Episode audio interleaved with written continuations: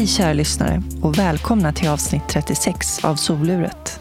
Jag heter Jasmine Nilsson och i Soluret möter jag människor från alla samhällsskikt. Och med varje livshistoria belyses olika ämnen. Jag är nyfiken på vad som formar oss till de vi är. Kan en avgörande händelse påverka eller definiera en människa? Eller är det årsringarna som formar oss? Hur påverkar miljöer och människor oss? Hur påverkas våra vägval av våra förutsättningar? Dagens intervju spelades in i dieselverkstaden i Stockholm. Min huvudsamarbetspartner är det internationella hjälpmedelsföretaget Invacare som jag har ett mångårigt samarbete med och som gör denna podden möjlig. Tack så mycket Invacare. Idag får ni möta Öz Nujen.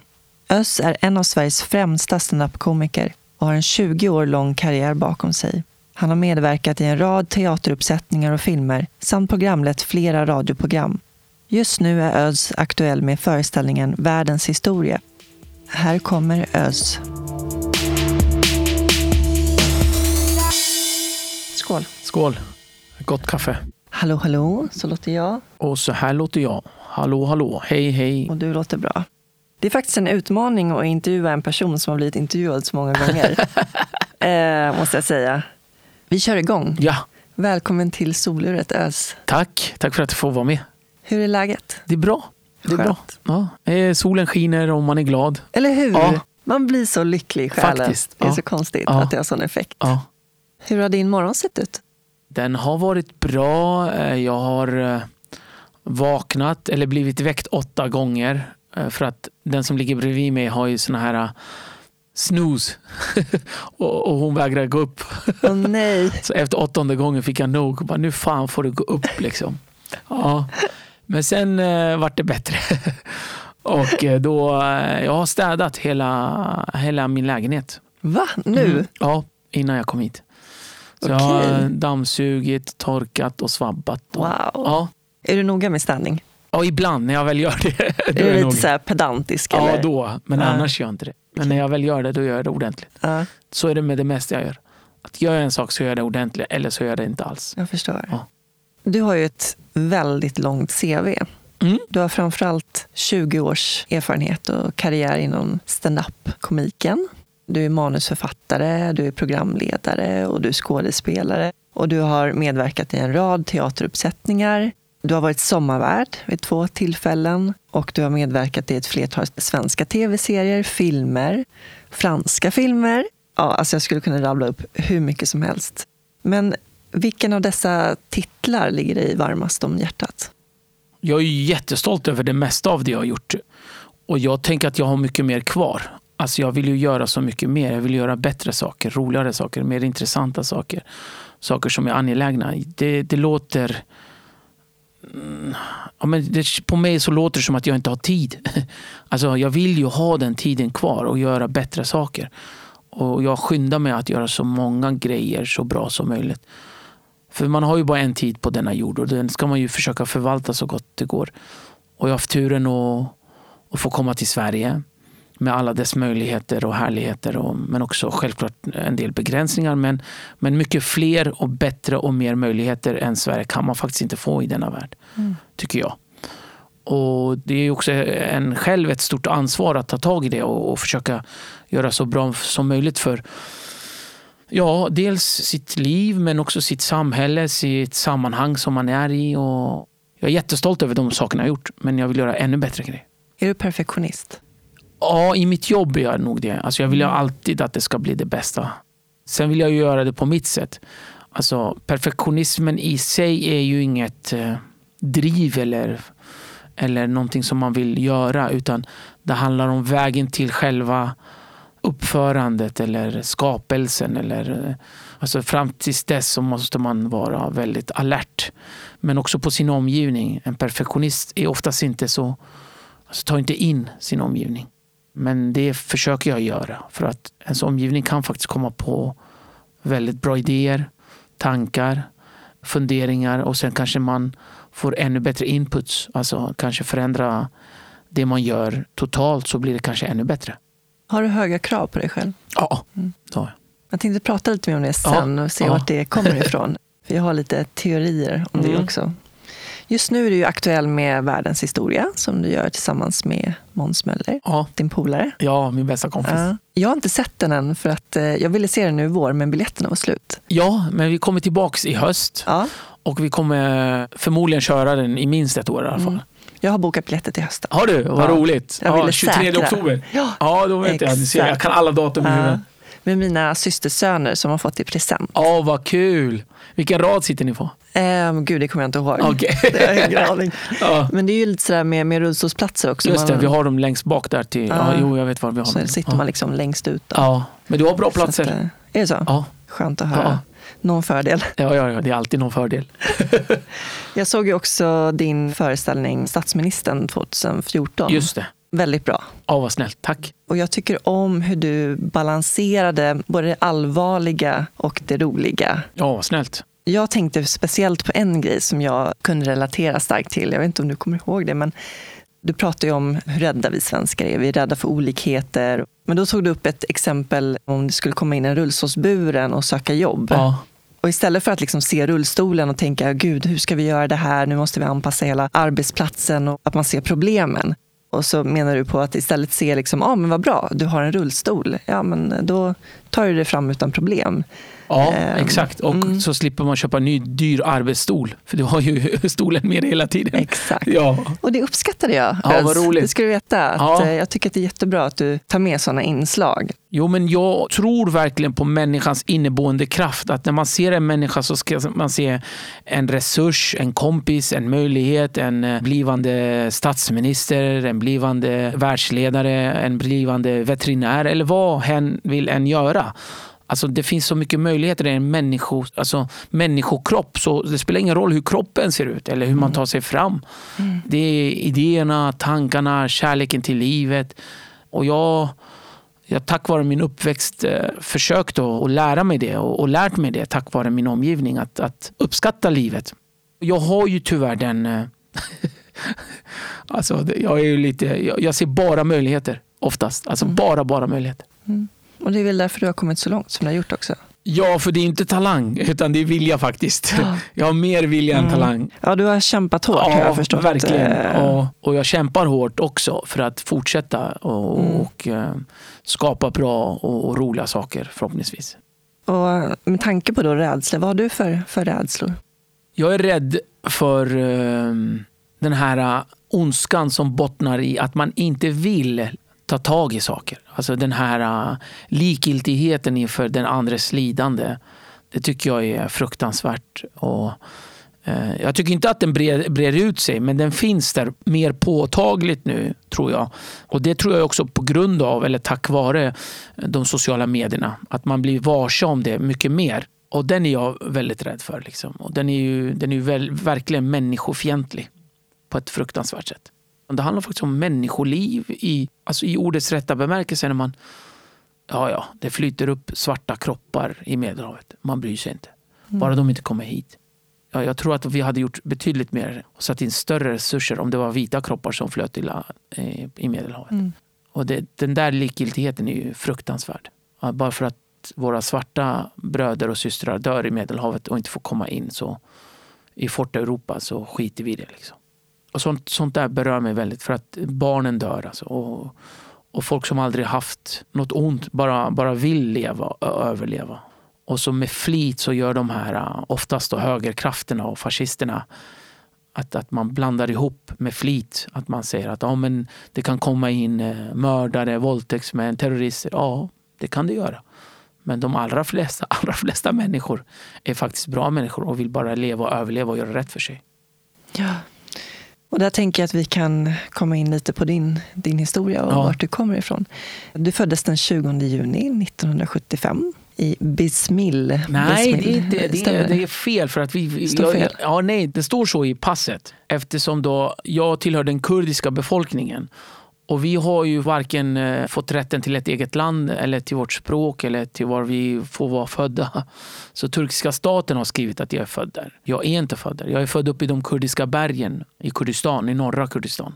Nära Vansjön, vid berget Sipan som är 4600 meter hög ungefär.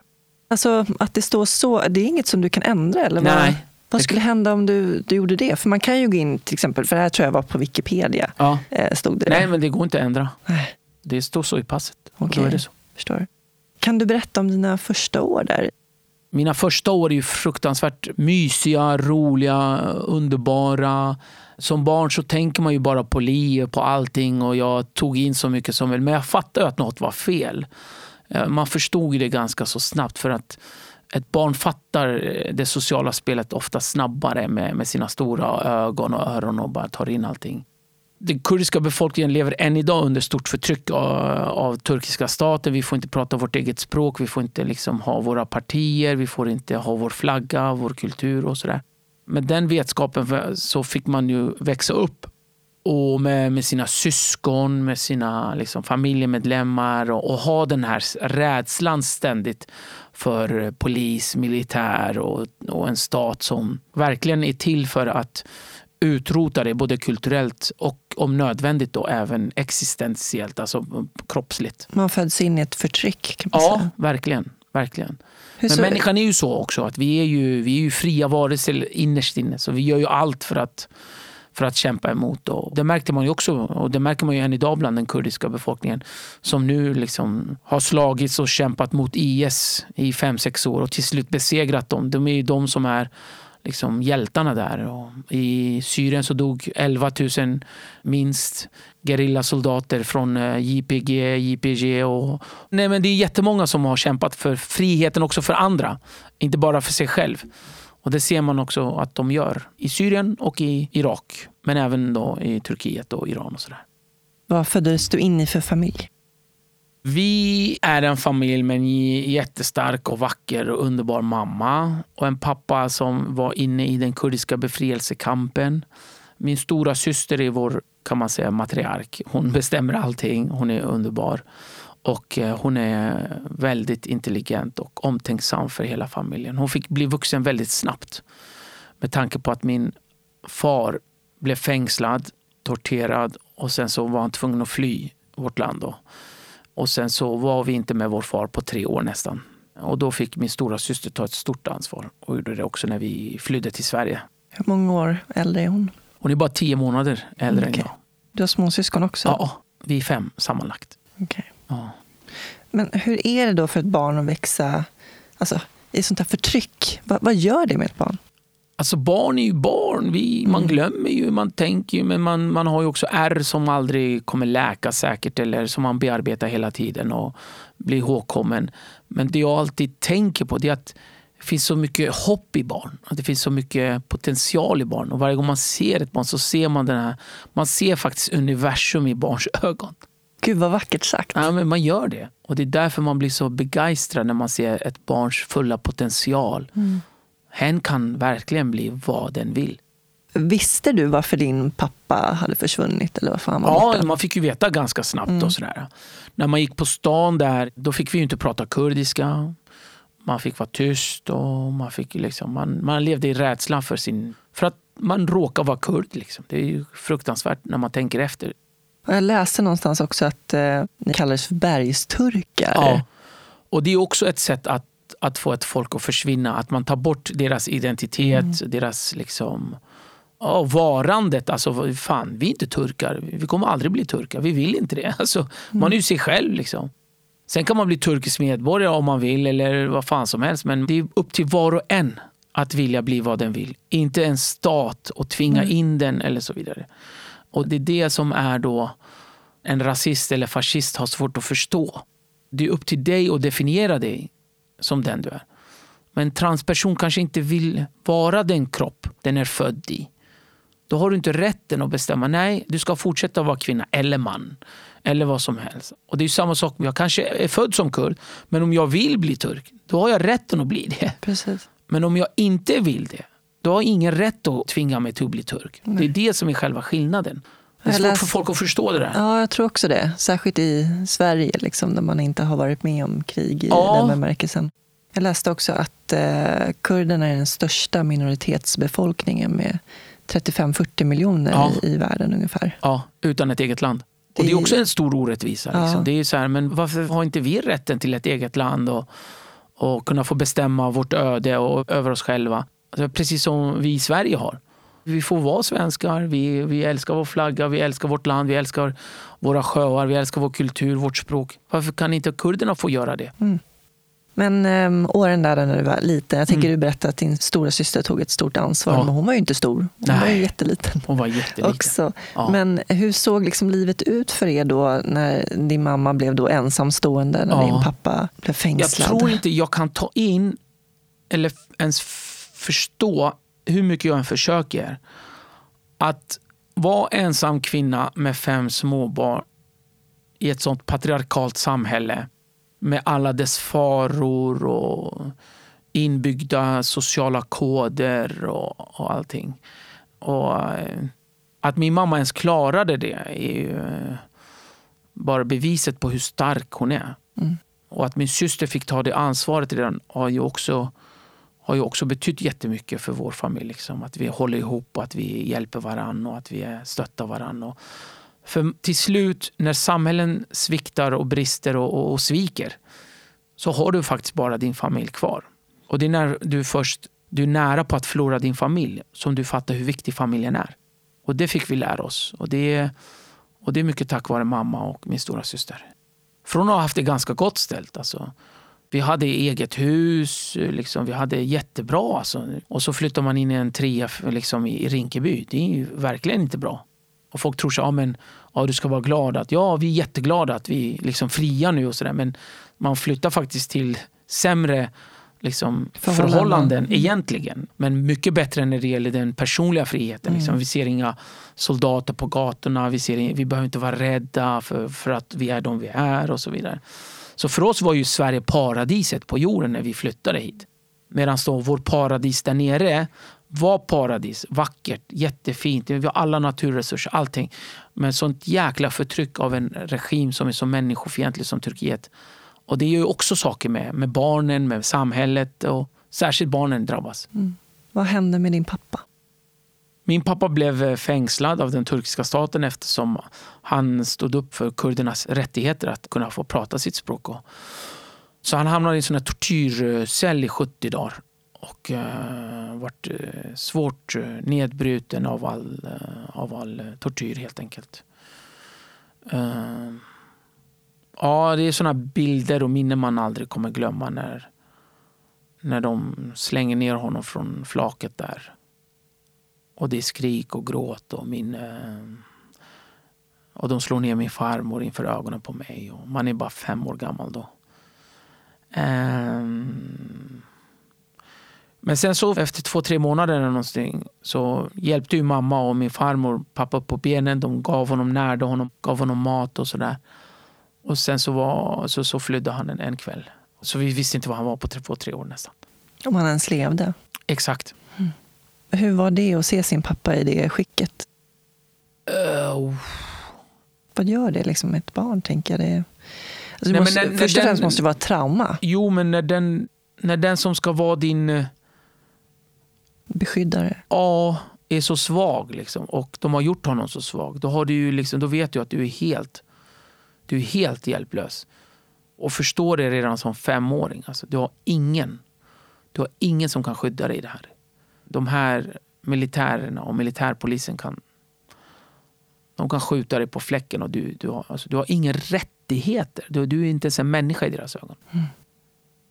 Ja, ja, jag vet inte vad jag ska säga, man blir mållös bara. Jag vet att det är svårt att, att försöka förklara det på annat sätt. Jag, jag blir chockad varje gång jag, jag funderar på det. Alltså, och jag tror att jag har att tacka min svenska uppväxt för det.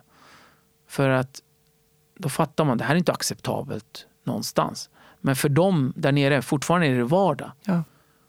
Men för mig som är uppväxt i ett, ett fint och bra samhälle som Sverige så fattar jag att det här är inte okej. Okay. Det är människoovärdigt. Det är liksom det är fruktansvärt att göra så mot en befolkning. Och deras enda fel det är att de är kurder och att de inte vill bli turkar.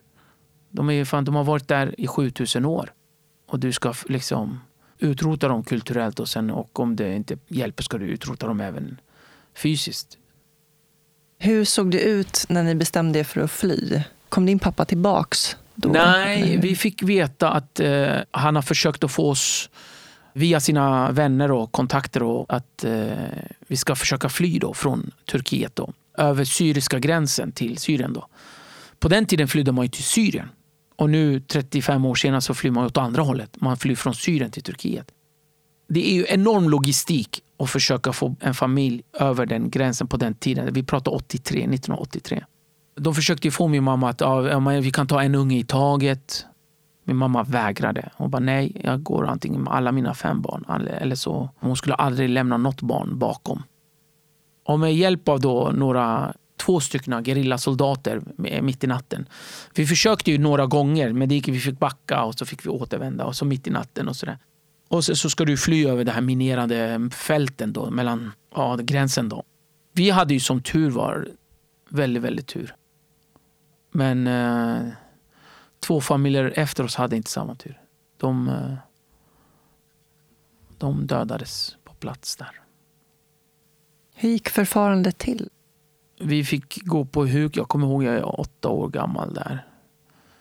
Och försöka vara så nära marken som möjligt. Inga, inga kläder fick tindra eller gnistra eller, eller blänka mitt i den här natten. Allt skulle vara typ jordfärgat, skakig, grått så att man smälte in i mörkernatten. Liksom. Eh, väskorna skulle vara helst i, i så säckar som inte syntes. Att det inte var så någon, du vet, någon sak som glänste till eller någon metall och sådär.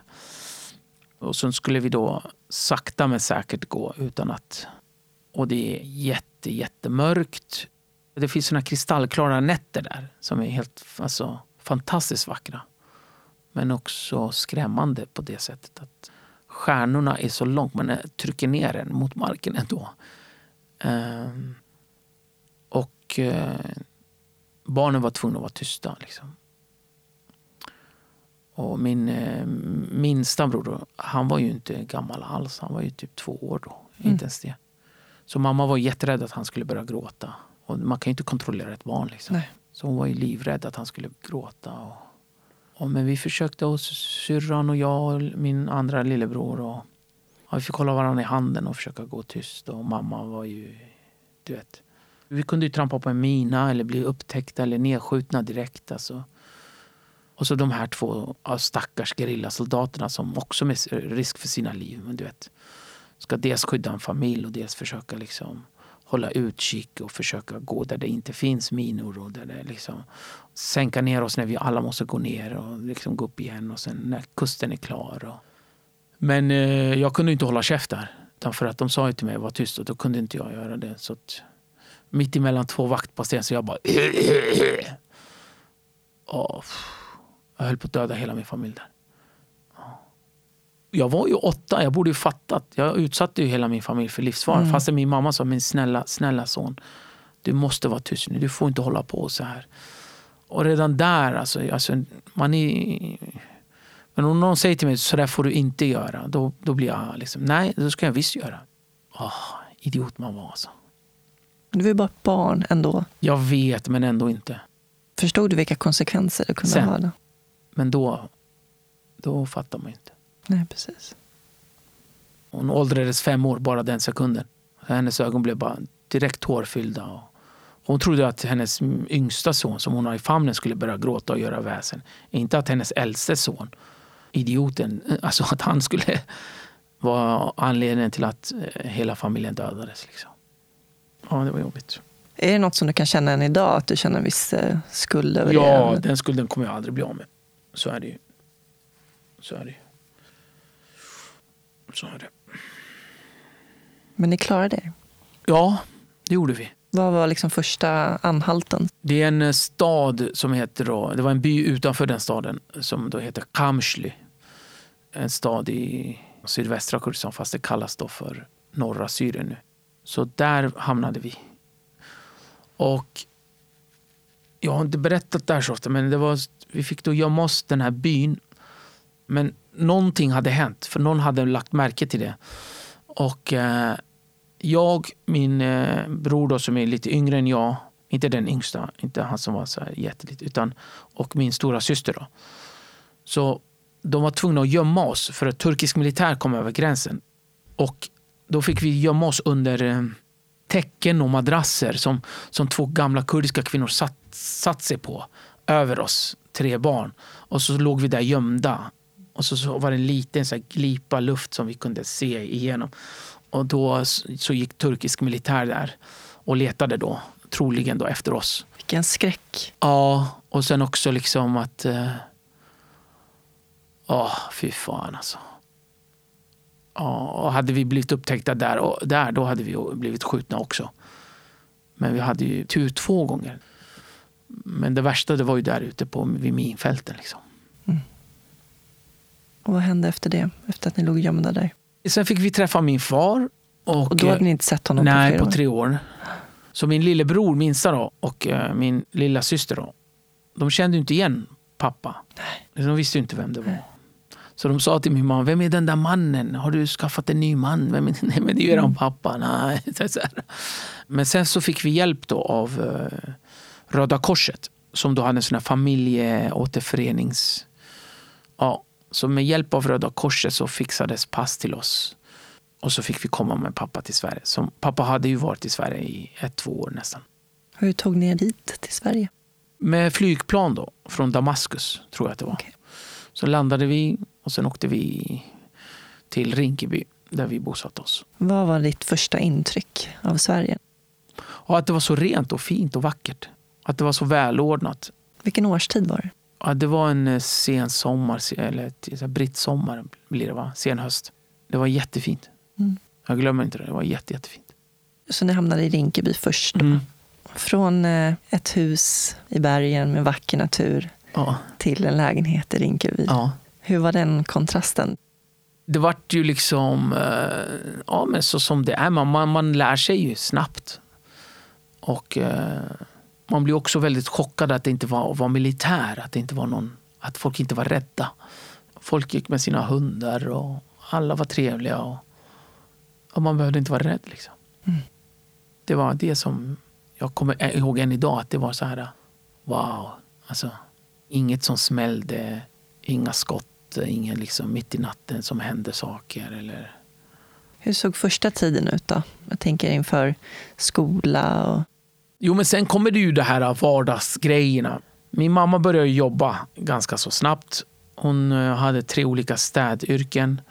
Och så hon jobbade som städerska i tre skift. Och, sådär. och min pappa körde då buss för SL. Började med det. Han var utbildad lärare? Ja. Och karikatyrtecknare? Exakt, exakt. Känd? Ja, väldigt känd faktiskt bland kurderna. Ja. Ja.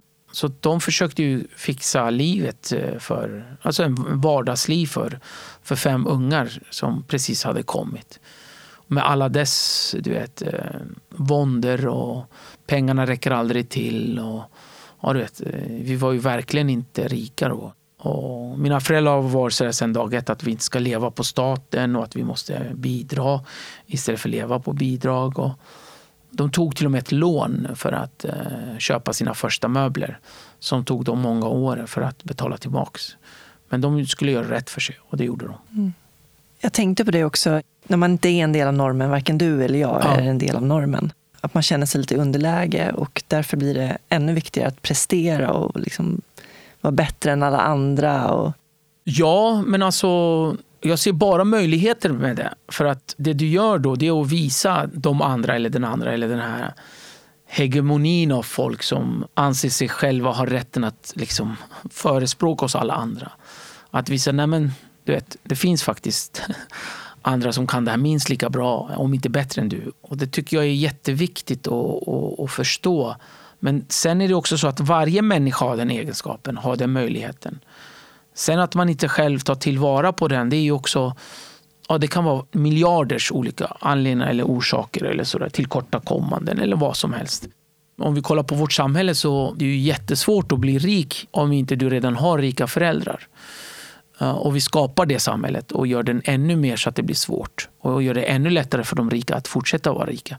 Och det är också en sån där sak att då, då är det väldigt viktigt att de fattigas barn eller de undanskuffades barn visa nej men du vet, alltså fan, vi, vi är minst lika bra, om inte bättre. Alltså, mm. Och vi har kunnat göra det även med allt motstånd och alla fördomar och all det här yttre trycket och även det institutionella och så vidare. Så att man, ja, Ja, ja, ja, men jag gillar det också. Mm. Jag gillar att kämpa mot sånt. Hur var det till en början då, när du skulle lära dig svenska och börja skolan? Och...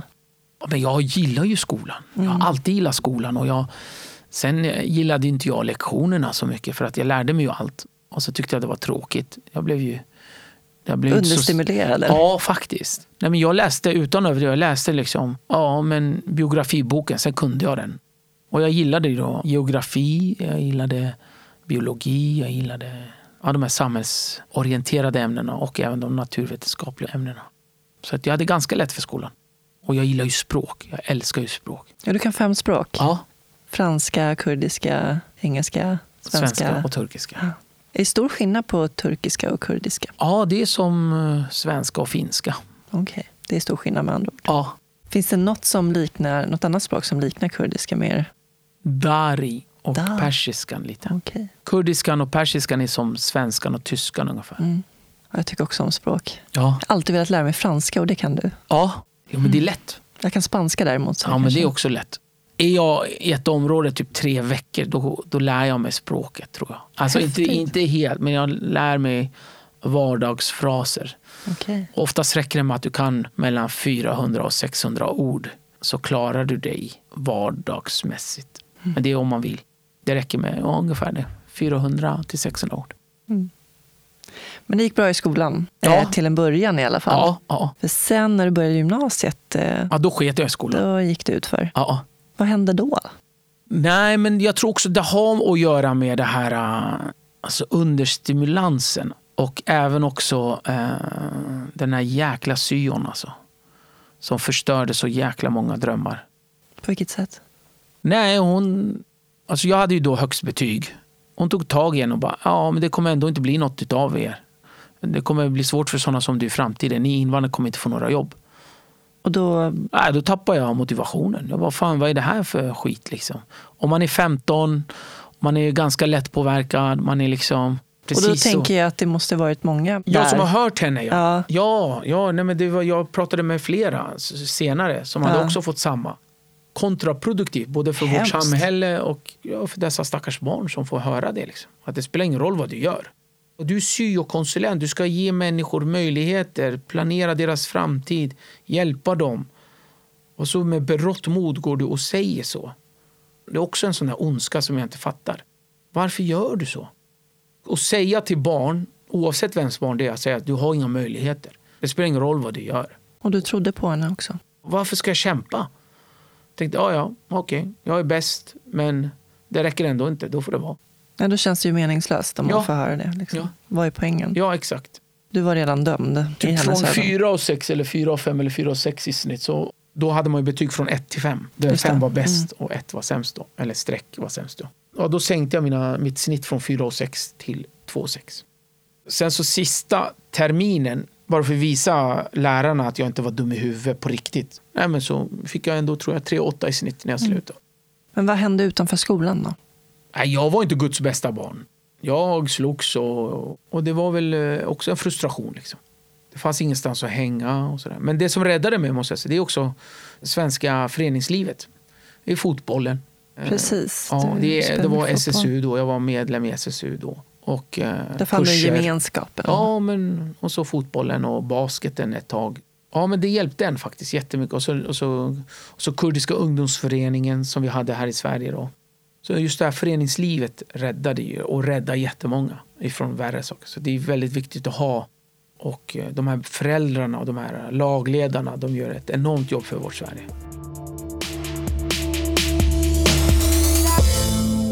Nu sitter jag här hos min samarbetspartner Invacare och framför mig har jag Joakim. Goddagens, goddagens. Hur är läget med dig? Jo, det är bara fint. Vad gör du för någonting här på Invacare? Ja, jag är alltså produktchef för manuella rullstolar och eh, sportprodukter. Om man tävlar i cykel, eh, basket, innebandy, handboll, sådana stolar. Det är mitt arbetsområde. Så är vi ju en eh, samarbetspartner med en cykeltävling som går av stapeln utanför Arlanda på Arlanda stads testtrack. En avstängd bana där det är paracykel i olika klasser. Som jag inte kan alla klasser, men det är tandemcykling för om man är synskadad. Det är cyklar som man har stödhjul på. Det är cyklar som har, man kör med handcykel, alltså man ligger ner och cyklar med händerna. Så det är olika klasser och uh, olika tävlingar under en, en hel dag tillsammans med uh, som är cykelklubb. Varför tycker du man ska komma och titta på det? Det är ju trots allt det är tävling, det är lite spänning och lite kul och sen är det ju det är bra prestationer. Det är ju både Sverige-elit och även europeisk elit som är med på de här tävlingarna. Utan det, det här är en tävling som många använder för att kvala in sig till till exempel OS i Tokyo. Så att det gör att det kommer att vara med utländska cyklister för att få sina poäng. Spännande, det ser Ja. vi fram emot. Ja men precis, det är bara att hålla tummarna och hoppas på bra väder och eh, ja, medvind för cyklisterna. Vilket datum var det nu igen? Det är den eh, 26 maj på Arlandas testtrack. Heter Invacare Smack Road Race 2019. Tack så mycket. Tack så du. Hej hej. Hej. Jag vet att du och din pappa har haft en komplicerad eh, relation också. Han, eh, du blev misshandlad. Ja, exakt. Ända tills jag var 18-19 faktiskt. Men, eh, men det är försonat nu. Alltså. Man går vidare, man, man försöker förstå. Och saker man inte förstår kommer man ändå inte förstå. För vi har två olika världar och uppväxter. Och, och det han har ju gått igenom vill jag inte ens... De hemskheter han har fått liksom uppleva. Liksom slåss för ett land och sen så och för ett folk och sen så bli så hårt nedbruten och slagen och torterad och, och på alla möjliga sätt liksom fråntagen sin mänskliga värdighet. Och det hade jag inte... Alltså. Och ur den så blir det ju så att, att när man inte klarar av sin omvärld så försöker man ju väl kanske då kontrollera sin, sin lilla värld. Och då kanske det var familjen. Och, och då slog det väl slint för honom. Hur klarar man sig igenom det som barn? Alltså, menar, det biter ihop och kämpar vidare liksom, mot, mot, mot något annat. Men samtidigt måste man också säga att det finns ju stunder då och jag tror att de stunderna betyder mycket mer för mig än, än kanske min far förstår nu. Ja, men till exempel, eh, vi har då grälat, jag har fått stryk och, och sen så dagen efter så ligger jag i sängen. Jag är helt jätteslut och slutkörd och trött. Liksom. Och jag, I den här dvalan jag är liksom, så, så ser jag att pappa sitter vid min huvudände och, och klappar mig på huvudet. Liksom, så här. Och då fattar man ju någonstans, det finns ju kärlek där. Liksom, att det, det finns en, en kärlek. Och det betyder ju också jättemycket för en. Att man fattar att ja, Det betyder extra mycket för det var någonting som du nästan aldrig fick bekräftat. så. Ja, jag tror det. Men man fattade att det fanns där. Liksom. Att, och ja, ja alltså, jag skötte ju inte mig då. Du vet, jag var ju bråkig, jag gick ut, jag slogs och jag kom hem sent och jag gjorde dumma saker. Och, men där man fattar också att det var ju en frustration och en hjälplöshet i han också. Men det, det är ändå aldrig rätt och det är aldrig okej att slå barn. Oavsett. Hur förhöll sig din mamma till det? Nej, hon ville inte att man skulle få. Men ibland så såg hon inte heller några val. Hon har ju betytt jättemycket för mig. Hon har ju alltid stöttat mig. och Alltid hjälpt mig. Hon har alltid varit på min sida. och alltid. Ja, Dina syskon, fick de, blev de också misshandlade? Eller? ja inte i samma omfattning. Mm. Det, det var nog jag som fick ta det mesta. Varför tror du det? Ja, jag var största, äldsta sonen. Och jag skulle skärpa mig. Jag skulle vara den här um, förebilden. Och jag kanske inte blev det. Och då finns det också en frustration i det. Han med högst och bäst betyg och eh, en idiot. Hur var det med din självkänsla? Nej, men självkänslan är ju den, det är ju den som har tagit stryk genom alla år tror jag. Och det är den man jobbar med och bearbetar eh, varje dag. Självförtroende har jag haft, men självkänslan har det varit sämre med. Och, eh, och det är två olika saker, även om folk ibland blandar ihop dem. Mm. Hur skulle du beskriva dem? Vad som skiljer dem åt? Men självförtroende är till exempel, om jag tar ett exempel här då. Jag tror jag klarar av att stå på scen. Jag gör det.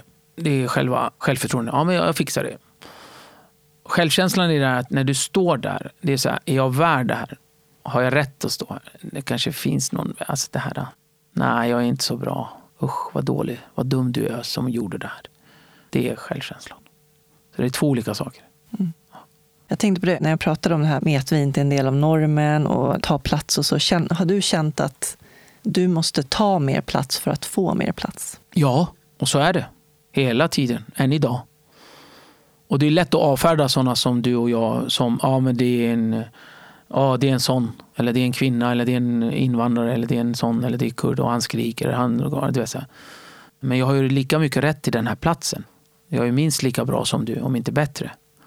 Och du, och du försöker skuffa undan mig. Liksom. Det är klart jag måste säga ifrån. Och det är så också, det gäller alla institutioner. Allt från Sveriges Radio och SVT till minsta lilla företag. Att man måste liksom höja sin röst och göra sig hörd. Och bara, hörrni, liksom, jag är också här. Och jag kan det här, om inte bättre än er. Så i alla fall minst lika mycket. Precis. Ja. men så har jag också upplevt det. Ja, Att eh, jag måste liksom ta mer plats Ja. eh, för att få plats. exakt. Och det finns ju alltid de här små subtila saker som hur de gör oss osynliga eller ser över oss eller tar bort oss. Eller, Och så bara, åh nej, varför tycker du så? Känner du så? Ja, din jävel. Det är klart jag känner så. Vad fan hade du känt? Nej, men det var inte med... Jo, det var det. För du bryr dig inte egentligen. Du bara snackar. Och sånt där gör ju en jättearg. Men det är jätteviktigt att vi säger ifrån. För att det här drabbar alltid kvinnor mest oavsett. Och sen är det också de som inte är etniskt svenskar, om man då så- säger så.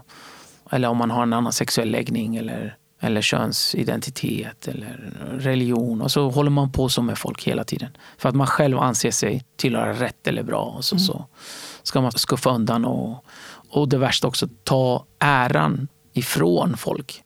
Om det är du som har kommit på något bra så tar de den idén och gör det till sitt och sen säger du men det var ju jag. Nej, lägg av. Det var ju, det var ju fan fem dagar före. Det finns ju mejl mellan oss. Det är min idé. Nej, nej, nej. nej. Ja, sådana saker. Funktionshinderrörelsen har ju kritiserat eh, media och framförallt då public service Ja. för att de inte har tillräckligt många representanter med synliga funktionsvariationer. Mm.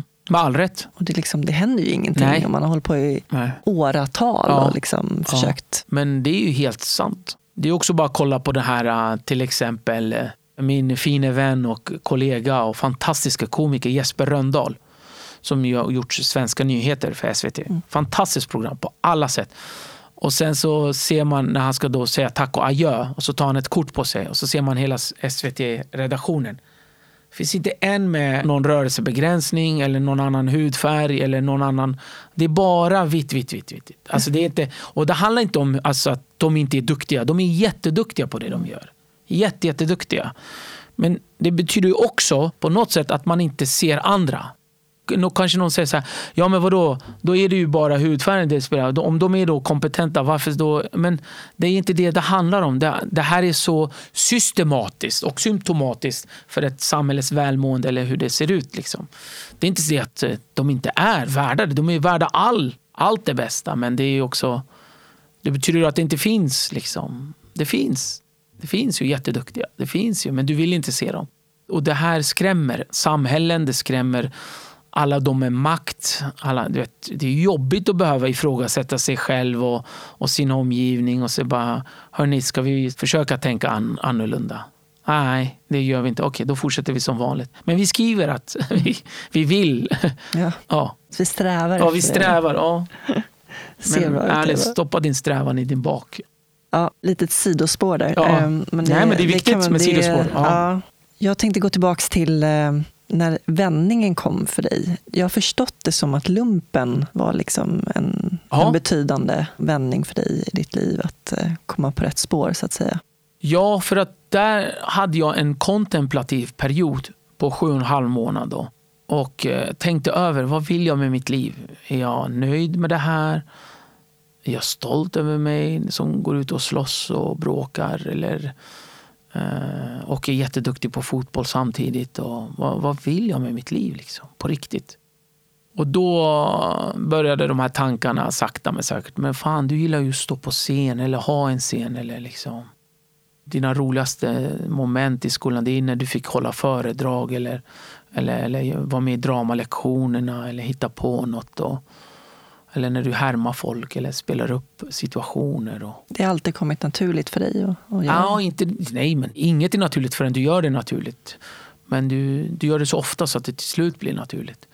Och det är också en överlevnadsstrategi tror jag, särskilt för Ja, för det kurdiska folket särskilt tror jag att kunna skämta bort allt elände. Alltså det finns ju jättemånga roliga kurder som är tusentals gånger roligare än jag. Men de är det inom familjen eller bland sina vänner. Eller, alltså, men det är också ett sätt att klara livet. Att skämta bort eländena. Där säger du en poäng. Mm. För det har jag också tänkt mycket på. att ja. Humorn har många gånger hjälpt mig att överleva ja. också, tycker jag. På ja. riktigt. Ja. Alltså, det är den bästa terapin. Visst är det? Mm. Ja, alltså att ha självdistans också tror jag är väldigt viktigt många gånger i svåra situationer. Har det hjälpt dig att överleva? Ja, det måste jag säga. Det är, det är en överlevnadsmekanism såklart. Jag blev ju mobbad lite i skolan och då var det ju också, du vet, tar man på sig det skämtet istället så då försvinner det ju. Du vet, åh gud, du ser ut som en apa. Oh, Okej, okay, då är jag en apa. Haha, han är en apa. Ja, det är jag ja, nu vart det inte roligt längre. Men det, var ju, alltså det blev ju roligt och sen så var det inte för att man tog ju bort udden av deras. Just det. Och det är ju också en, det är också en sån sak. Men till slut så hamnar man i ett läge där man måste ta tag i sin situation. Mm. Och för mig var det lumpen. Liksom. Mm. För mig var det militärtjänstgöringen i, uppe i Norrland, i Boden där. Att ja, nu får du liksom skärpa till det och forma ja. dig till den, till den människa du vill bli. Inte man, utan människa. För det, det, finns så mycket roller inom mannens bild av en man som inte överensstämmer med det jag vill vara. Ja, det jag aldrig skulle vilja vara heller. Utan vad vill du göra med ditt liv på riktigt? Och då fick jag börja tänka om och tänka nytt och tänka fräscht. Och sen bestämma mig för ingen får stoppa mig nu. Ingen och inget. Jag tror verkligen att det måste man komma fram till själv. Ja. Den självinsikten att ja. det är ingen annan som kan göra det åt en. Utan Nej. man måste göra det. Det måste komma inifrån en Exakt. själv. Exakt. Mm. Och vad tänkte du om framtiden då? Att jag ska forma den själv. Jag ska bli skådespelare och ha en egen scen. Eller, eller vara regissör och få en egen scen. Eller bestämma över en scen. Eller bli fotograf. Eller, eller filmare. Eller, eller dokumentärförfattare. Mm. Eller vad, vad som helst. Jag skulle ha min, min plattform skulle jag ha. Och på vägen så testar man olika saker, mer eller mindre bra. Och, och man lär sig hela tiden av sina misstag och andras misstag. Det är ju det man lär sig mest av. Och hela tiden ta in och hela tiden vara vänlig och göra rätt för sig. Och det ger en så mycket mer senare. Folk fattar inte att det du gör idag ger eko om 20-30 år. Liksom. Det gäller att vara snäll hela vägen. Så att är du en skithög fast blir fantastiskt berömd, ja då är du fortfarande en skithög men en större skithög bara. Ja, alltså, ja. alltså. Fotbollen då? För jag menar, det gick ju bra för dig där. Det, mm. det släppte, för du kom upp i division 2, stämmer det? Ja, jag lirade då innan jag gjorde lumpen med ja. Hammarby i juniorallsvenskan. Och sen ja, gjorde jag lumpen då och då tänkte jag, men hur ska jag göra? Vad ska jag, vet, hur ska jag tänka och sådär. Och då hade vi då flyttat då och bodde då i Järfälla. Och då hörde jag talas om de här FC Järfälla då. Och så var jag med dem. Det blir då som nya division 1 norra eller division 2. Division, ja, precis. Gamla division 2 är som division 1 nu. För då fanns ingen eh, superettan. Ja, jag bara nickar ungefär som att jag har koll. Men jag... Ja, men jag, jag såg det på dina ögon som korsade. Men sen, eh, du släppte fotbollen i ja, alla fall? Ja, alltså jag spelar ju fortfarande så här ah, med skoj. Ah. Lirar i ett lag som heter FC Sampierre d'Arenese med några polare. FC ah. Samp kallar vi oss för. Och sen lirar jag med tv-laget med Patrik Ekwall och dem. Så det är kul. Ja, tjock knubbig kurd som går omkring och tror att han är Maradona. Men um, Kalle Flygare kom du in ja. på. Ja, var, det, var det efter lumpen? Då? Ja, det var det. Men eh, mm. då jobbade jag innan på ett ställe då, med fotbollen. då. Christer eh, Malmsten som var vår lagledare i fotbollen i SC Järfälla fixade jobb till mig på Margell Shipping Service som lagerarbetare. Och tack vare honom då så kunde jag försörja mig och spela fotboll samtidigt. Och då sökte jag då under den tiden till Kalle Flygares teaterskola. Och sen kom jag in för er som lyssnar, Kalle Flygare det är ingen teaterskola i det att du blir skådespelare efter det. Utan det är förberedande. Alltså, yrkesförberedande? Ja, yrkesförberedande. Så du blir ingen färdig skådespelare. För mig var det jättebra. Och sen fick du stöd av dina föräldrar också, som jag ja. förstår betydde väldigt mycket för dig. Ja, jag hade ju inte råd att gå andra året. Nej. Och då, det var då de kom in eh, i rummet med alla sina besparingar. Det enda de hade faktiskt och, och gav det till mig. Mm. Så att vi ser att du är glad, vi ser att det här betyder mycket för dig. Och det här är vad vi har och det här får du. Det är återigen en sån där sak som, är, som hjälper en oerhört mycket. Att man liksom, de ville verkligen inte att jag skulle bli skådespelare. Alltså verkligen inte. De bara, du kastar ditt liv i sjön och du, du gör fel val. Varför pluggar du inte? Varför liksom, du kan bli vad du vill. Varför blir du inte doktor? Mm. Varför liksom, du, du kommer skämma ut oss. Vi kommer vara försö, försö, försörja dig resten av ditt liv. Men ändå när det väl gällde så hjälpte de sitt barn med allt det de hade. Och det glömmer jag aldrig och det är jag tacksam för för evigt. Avgörande. Ja. Och sen började du som diskplockare på restaurang Ängelen. Ja, det var ju för att kunna försörja mig samtidigt då också ja. som jag gick där. Och då hade de uh, teatersport där på Ängelen. Och uh, i början var jag där bara och tittade liksom sådär. Och sen när jag började som diskplockare där så, så var man ju där samtidigt. Så började jag lägga mig i. Ja, de, de sa någonting och så sa jag ifrån eller du vet, så här, sa till. Så blev det roligt. Och, och sen var jag med och så, som ett lag sen. I med, sen tog jag över scenen. Så från diskplockare på Ängelen. Ja, men det var ju så. Det var en mäktig känsla faktiskt. Ja, hur var den känslan första gången när du stod på scen? Kommer du ihåg det? Det jag tänkte var ju så här, när man, ibland när jag går någonstans, när jag är på ett ställe, jättefint kontorslokal och man träffar vdn där säger vi. Och så sitter hon eller han där och så går det någon städare förbi och, liksom, och tittar in. Och man ser hens blick mot en och så, så ser man den blicken. Och den blicken hade jag när jag var diskplockare och tittade på scenen. Alltså, där ska jag vara. Ja, hade jag det i huvudet. Och sen när jag var där, då var det så här, wow, nu är jag här. Mm. Det var mäktigt. Det var coolt. Och det var en häftig känsla. Men sen så tog det något, inte ens ett halvår så hade min egna första uppsättning tillsammans med några kompisar. Som hette Cabaret Sanslöst med Özz i mitten, Sanslöst. Och då skrev jag och regisserade den tillsammans med dem och sådär. Mm. Och sen gick du på eh, radioproducentlinjen också på Dramatiska ja. institutet. Ja, det var en häftig känsla.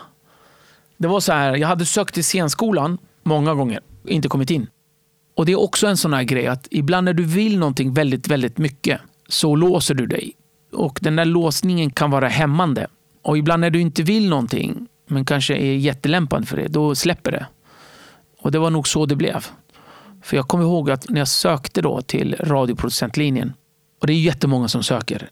Jag vet inte om det är 300-400 som söker och sen kommer 4-5 in. Och jag gick vidare. Och jag bara, va? Och så gick jag vidare igen. Ja, men det här är inte, liksom, inte okej, kände jag. Det här är inte okej. Vad fick man göra då på proven? Ja, det var olika saker. Sådär. Men jag glömmer aldrig inför sista. Då är det så fyra olika delprov. Och det tar ju några, någon månad eller några veckor mellan varje. Och, så där. och då säger jag då till min dåvarande flickvän, då, då sa jag så här, men du, alltså jag kan ingenting av det här. Jag är helt värdelös. Min slutgrej då, som jag ska söka med nu, alltså det här är, då har vi fått liksom ja, instruktioner på, ja, du ska göra en 6-7 minuter lång reportageradioinslag. Du får göra allt själv. Men du vet, du ska fånga vår uppmärksamhet och det ska vara liksom... Oh. Och jag bara sa då till, till Anna, då, som heter, jag bara, alltså, kommer jag in nu, då är det något fel på systemet. det glömmer jag aldrig. Jag bara, kommer jag in, jag har slarvat, jag har inte ens gjort det bra. Du vet, det är liksom gjort med vänstra handen. Och, du vet, det var verkligen riktigt dåligt, kände jag. Ja, så kom jag in. Men tror du att så här i efterhand tror du att det var bra egentligen? Bara att du hade jag tror att de såg potentialen. Ja. Jag tror att de såg potentialen och det, och det kommer jag eh, aldrig glömma. Mm. Alltså den, alltså fina människor där. Lotta Eriksson och Bengt Bok där som var mina lärare. Jättefina. Jag kommer aldrig glömma. Lotta och Bengt, alltid de. Och de såg nog någonting i mig som mm. jag, jag själv inte såg. Och sen så visade det sig att de hade rätt. Alltså bara ett halvår efter att jag kom in så fick jag jobbet som programledare på Morgonpasset. Och det var ju helt otroligt. Och då sa de där på Sveriges Radio att ah, då får du hoppa av skolan. Och jag vet ju hur mycket utbildning betyder i min familj. Alla mina syskon är högutbildade. Så att hade jag hoppat av det, då hade min familj aldrig förlåtit mig. Och nu kommer jag in på en av de svåraste skolorna ja. i Sverige, om inte den svåraste. Liksom. Och då sa jag så här, ja, jag vill jättegärna ha jobbet men jag kommer inte att sluta skolan. Så vi får hitta på någonting. Så med hjälp av rektorn där då så kom vi överens om att jag skulle bara jobba på fredagar, fredagsmorgnar. Och då missade jag en lektion. Och det gick ju jättebra. Och vad hände efter när du var klar med utbildningen? Nej, men då började jag ju sakta men säkert att eh, göra mina saker, göra dem bättre, större, tänka större, tänka bättre. Jag eh, hade då samtidigt också startat eh, Stockholm Comedy Club och startat Svenska standup-galan. Och några år senare så startade jag Stand-Up Star, en eh, skola i stand-up där jag var rektor. Och sen så byggde jag upp svensk stand-up. Det var ju det som var mitt mål, att bygga upp svensk stand-ups institutioner och historia så att det blev en, en sak att tala om, grunden, lägga grunden. Men hur kom stand-upen in i bilden då? Nej, men jag, jag hade alltid tyckt om stand-up på något sätt. För jag, ty, jag tycker om själva grejen. Där står en person på scen, har bara en mikrofon och skapar en värld. En fantastiskt rolig värld. Och den grejen vill jag åt. Vad hade du för förebilder till en början? Eddie Murphy, Bill Hicks var också en stor förebild. John Rivers, hon är fantastisk. Whoopi Goldberg var ju grym. Roseanne Barr, hon var också fantastisk. Det var ju några roliga där på 80-90-talet som jag fortfarande tycker är fantastiska. Som jag hade du vet, i bakhuvudet hela tiden. Jag tycker fan var när de gjorde sina filmer mm. och när de stod på scen. Och... Alltså Eddie Murphy Raw, alltså den är så bra. Än idag! Än Man kan idag. se den hur många gånger ja. som helst. Jag var ju så här, som vanligt och nörd, nörda in mig på någonting. Och räknade LPM, laugh per minute, skratt per minut. Då. Han är den som har högst LPM av alla. Alltså tills än idag. Ja. Det är ingen komiker som kommer i närheten av hans Nej. LPM. Det är helt sjukt. Han, alltså, han, har, han har skratt, räknar ut, ungefär var tredje sekund så är det någon som skrattar. Mm. Det är ju enormt skickligt. Han gör en min, han gör en röst, han lägger en punch, han bygger upp en punch, han berättar, han gestaltar. Det. Delirious och Raw, det är de två absolut bästa stand-up liksom, specials mm. som har gjorts tycker jag. Det är Eddie Murphys. Jag hörde, jag tror det var i, kan det varit i Värvet, om när du skulle stå på Norra Brunn för första gången. Kan du berätta om, om det? Jag fick tjata och tjata först på Peppe där på Norra Brunn. Så det började med att jag ringde honom hundra dagar i sträck. Så till slut sa han att ah, jag kommer ringa polisen om du inte slutar ringa. Jag ringde en gång per dag. Ja, men jag kan snälla, jag vill bara testa. Snälla, jag, jag kan det här. Jag är duktig, jag lovar. Jag kommer... Nej, nej, nej. Du vet, jag fick inte chansen. Thomas Oredsson, fantastisk komiker som är som en pappa för oss alla som började där då, på 2000-talet. Jätteskicklig standup-komiker och när han säger något, då funkar det. liksom. Och då sa jag så här, snälla Thomas, kan jag bara få köra innan det? Bara liksom fem minuter, sju minuter max. Liksom. Och sen så ah, smet jag in och sen ser Peppe mig på scen där och bara är skitarg för att jag har lyckats. Men hallå, Thomas har sagt att jag får vara här. Du vet, så att han bara, okej. Okay. Ja, men då tyckte han att det var bra. Och då fick jag öppna tillsammans med Peter Wahlbeck.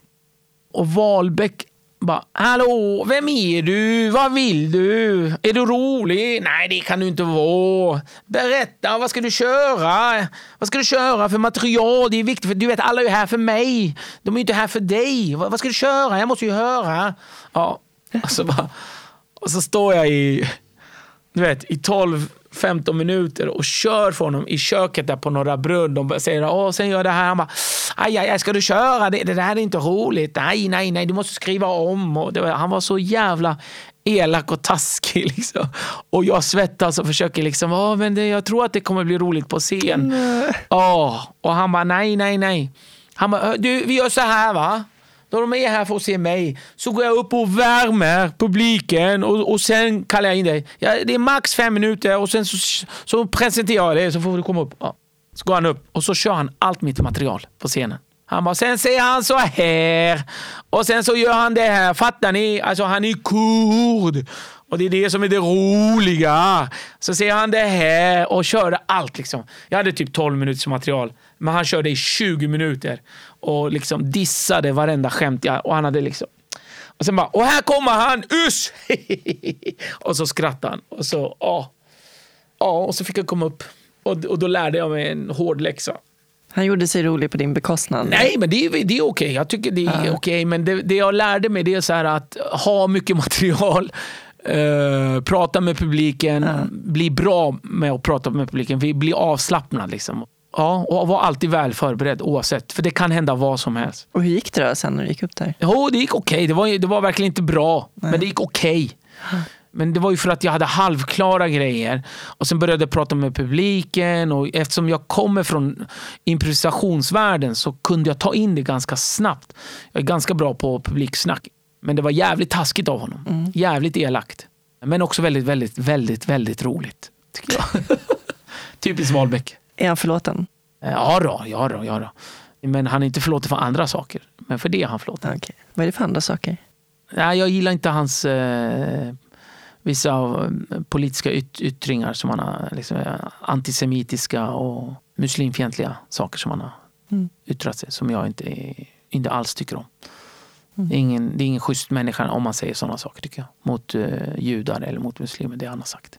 Jag har förstått det som på dig, att för dig är det viktigt att vara liksom schysst. Nej men alltså, det spelar ingen roll vem du är. Var schysst mm. för fan. Vem fan mm. tror att du är? Du är bara en människa. Precis som jag. Så var, var, var snäll. Apropå Norra Brunn, ja. från det ena till det andra. Ja. Som rullstolsburen måste man ju alltid gå bakvägar. Ja. För att komma in genom soprum och ja, grejer. Så jag, fick ju, jag får ju ta mig igenom det här berömda Just. köket då, ja, där ni sitter och hänger före och efter. Som sagt, allting har sina för och nackdelar. Då vet du vilket kök jag pratar om. Ja, absolut. Och där satt han med ryggen mot den här vita ja. kakelväggen och bara berätta, ja. kör. Och så jag står där och så gör jag det här. Ah, fy fan vad hemskt. Ja. Du har ju vunnit priser. Mm. 2014 Expressen satirpris, Ankan, mm. med en jättefin motivering som var Özz har hjärnan, hjärtat, ryggraden och kännetecknar god satir. Det är fint. Det är jättefint. Vad betyder de här erkännandena för dig? Ja, men för mig är det ju att det gör mig glad och stolt att det finns några som ser det alltså, och uppskattar det. Och just Expressens eh, satirpris värmde väldigt mycket tyckte jag. Det gör mig glad faktiskt. Men det är som att få en medalj runt halsen alltså efter att du kommit etta. Eller, det, är så här. det är mysigt och roligt när någon uppskattar ens jobb, tycker jag. Mm. Jag har ett citat här. Jag borde ha älskat mig själv. Jag är helt okej, okay, men jag kände, kände innerst inne att jag inte var värd att älska. Jag kände mig tom och försökte fylla alla andra. Men du kan inte fylla någon från ett tomt kärl. Mm, det är mitt sommar, va? Mitt andra sommar där. Ja ja, och det stämmer ju. Det är ju jag. Och det är ju jätteviktigt att fylla på sitt kärl. Det finns en, en judisk filosof som på 1600-talet tror jag som sa om inte du är för dig, så vem är då för dig? Och om inte nu, så när? Så det är väldigt viktigt liksom att du tar hand om din personliga hälsa, psyke, att du mår bra. För det är först då du kan också göra så att andra mår bra. Men liksom, det spelar ingen roll hur mycket du försöker. Liksom. Om du är tom själv, då, du kan inte fylla på andras. Hur, hur känner du dig idag? Jag känner mig bättre, men det är samma sak här. Man får kämpa med sin självkänsla, med, med sitt alltså Sverige, med alla strömningar som går, med, med sakernas tillstånd. Och det gäller att eh, vara modig, att stå upp, mm. att kämpa och aldrig tappa leendet. Och aldrig tappa de här ögonen som de inte kan ta ifrån dig. För att det är jätteviktigt att man fortfarande ler och hittar glädjen och hittar lekfullheten i sitt skapande och fortsätter vara, vara den man är och den man vill vara. Jag upplever det som väldigt, du är frispråkig. Du säger ju vad du tycker och tänker. Och... Ja, jag hoppas det. Men du har ju fått betala ett jäkligt högt pris för det. Ja, de försöker komma åt den på alla möjliga sätt. Det får man ju aldrig glömma också. Och det är också det som är eh, själva priset man får betala. Du har blivit mordhotad och ja, behövt polisskydd. Ja, och de spred lögner om mig efter Uppdrag granskning som sen visade sig vara helt falskt. Och sen så ingen ursäkt, varken från media eller från SVT. Men det fattar man att det kommer. Och det kommer komma. För att de vet ju att det man säger skadar dem och det också lyser upp deras förehavanden, vad de egentligen vill. De här som vill skada vårt Sverige eller, eller vill så split i vårt samhälle eller inte vill allas bästa och, eller bara vill sitt eget bästa. Så att det är därför man måste också försöka fortsätta göra det med humor men också hitta nya vägar att visa upp deras hyckleri och deras eh, ja, falska omtanke om vårt Sverige. Men hur är det att leva under mordhot? Liksom? Det är ju en känsla som, är, som jag inte vill att någon annan ska ha. Och jag tror också det är därför nog någonstans i bakhuvudet jag inte har skaffat familj. Alltså, jag är varken gift eller har barn. Eh, jag har varit gift en gång men jag är skild. Men det som händer är också att eh, de ger sig på ens familj. De här. Och jag har, jag har någonstans där bakhuvudet alltid känt att ja, men jag, jag kan utsätta mig själv för det här men inte mina nära och kära. Liksom. Så det är nog det också som har gjort att jag har fortsatt att jobba så här hårt och utan att tänka på att ha barn eller familj. Mm. Hur lever du ditt liv idag? Dag för dag. Men eh, jag planerar två år framöver. är du under något hot nu? Eh, ja, det är jag. Men det är som det är. Mm. Mm. Kan du bo på samma ställe eller måste du flytta runt på grund Nej, av jag, jag säger ju inte var jag bor eller var jag är oftast. Liksom, så att jag, eh, I Stockholm är det väl på kanske tre, fyra ställen. Ja, sen är det turnéer. Mm. så det är bra. Mm. Dina föräldrar, har de sett dig köra stand-up? Ja, det har de. De är inte alltid glada, ska jag vara ärlig. det är de verkligen inte. Är det så? Ja. Varför? Va? Kan du inte bara vara tyst? Vad har kungen gjort dig? Va? Varför gör du så? Kan du inte bara acceptera att situationen är så här? Varför måste du? Ja. Du har det bra nu, kan du inte bara vara tyst? ja, det är alltid så. Nu kommer jag till de där äh, små frågorna. Yes. Vad innebär det för dig att vara människa? Att vara medmänniska, det är det vad det innebär. Att man är för varandra, inte mot varandra. Att man är för allas välgång och bästa och inte bara för sitt eget eller några fås. För mig är det det som är det viktiga. Vad betyder frihet för dig? Att vara totalt fri är svårt i ett sånt här samhälle för att du är fast med tillgångar, tankar, traditioner, samhällskontrakt, normer och regler och allt. Men frihet för mig i den bemärkelsen, i den liksom vidare bemärkelsen, det är att jag kan göra vad jag vill, när jag vill och lämna allt och bara dra när jag vill. Men det innebär också att jag inte är så ansvarsfull när jag tar till mig den friheten. Åker du tillbaks till Kurdistan någonting? Eller hur ser Nej, tyvärr. Det är ju ett av eh, de här sorgerna som den turkiska staten skapar hos det kurdiska folket. Liksom. Att de berövar ens land och också rätten att återvända dit. det är hemskt. Apropå frihet. Ja. När grät du senast? Uh, min mormor eh, ligger för döden. Och uh, jag har gråtit nu senaste dagarna. Så vi hoppas att allting går bra, men man vet inte. Är hon i Sverige? Nej, Nej. hon är kvar. Och okay. det är också det att man inte kan vara hos sin mormor. Nej. Har hon varit här någonting? Nej. Nej. Så du har inte sett henne på? På väldigt, väldigt många år. Ja. Och det är också en sån här grej som man... Jag tror att jag aldrig kommer förlåta turkiska staten för. Att de har gjort så. Att man inte kan ens, med risk för sitt eget liv, eller med att, att man inte ens kan se sin mormor liksom, en sista gång. Och det... Ja, det blir påtagligt då när hon är sjuk också. Ja, så är det. Mm. Nästa fråga. Vad gör dig arg? Orättvisor. Alltså med flit. Och du vet att det är orättvisa och du fortsätter ändå det. Bara för att det gagnar dig. Bara för att du... Och, och fastän du ser orättvisor så, så försöker du liksom rikta blicken mot något annat eller koncentrationen på något annat. Och, om så här, till exempel så här, Greta Thunberg. Hon bara, vi måste rädda världen. Och så är det någon, någon miljöpartist som bara, ah, okej, okay, vi twittrar det här, retweetar det. Så här, bara. Och så är det någon som bara, ja ah, men din man har faktiskt eh, en sån här bil. Men din jävla idiot. Alltså, ja, det, det är sånt där gör mig arg. Alltså. Alltså, du, du koncentrerar dig på en bil med flit. Alltså när vi pratar om att vi faktiskt måste rädda vår värld. Du vill inte. Vad har du för förslag? Du har inga förslag. Det enda du, du vill bara ta bort uppmärksamheten på det här. Koncentrera dig på att någon har en bil. Ja. Vad gör dig lycklig? Glada barn gör mig lycklig. Skratt och joller. Vad drömmer du om? Jag drömmer om ett fritt Kurdistan. Ett självständigt Kurdistan som är minst lika bra som vårt vackra och bra Sverige. Det är vad jag drömmer om. Att jag önskar att Kurdistan ändå blir fritt, lika fritt som vårt Sverige och blir det här bra landet som Sverige. För vi är ett jäkligt bra land, Sverige. Ett drömland. Tror du att du kommer få se det under din livstid? Ja då, det tror jag. Drömmar förverkligas. Sen några antingen eller-frågor. Ja, Kaffe eller te? te. Bok eller film? Den var svår. Åh, vad svår. Nej, då tar jag bok. Kött eller grönsaker? Kött. Planering eller spontanitet? Off. Planerad spontanitet, säger jag då. Det var bra. Se eller höra? Höra. Ljus eller mörker? Ljus. Fort eller långsamt? Oj. Ja.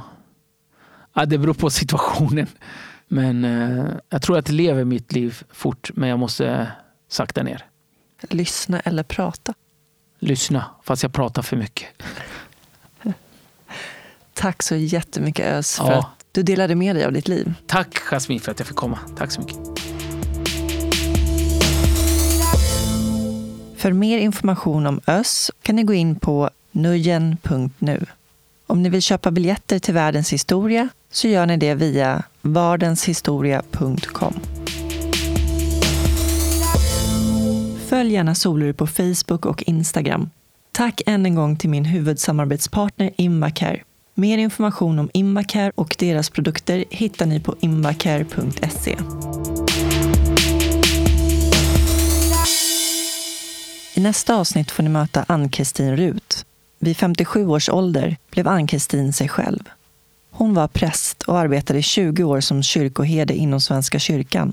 Och när Ann-Kristin kom ut som transperson väckte det stor uppståndelse. Idag föreläser Ann-Kristin om vad det innebär att vara transperson, om vad vi egentligen menar med manligt och kvinnligt och de normer som styr våra föreställningar och beteenden. Avsnittet publiceras måndag den 13 maj. Med tanke på dagens gäst avslutar jag med ett citat av Helle Ryslinge. Allvar utan humor är outhärdligt och humor utan allvar är likgiltig. Tack så jättemycket för att ni lyssnade och ta hand om varandra där ute. Puss och kram. Hej då!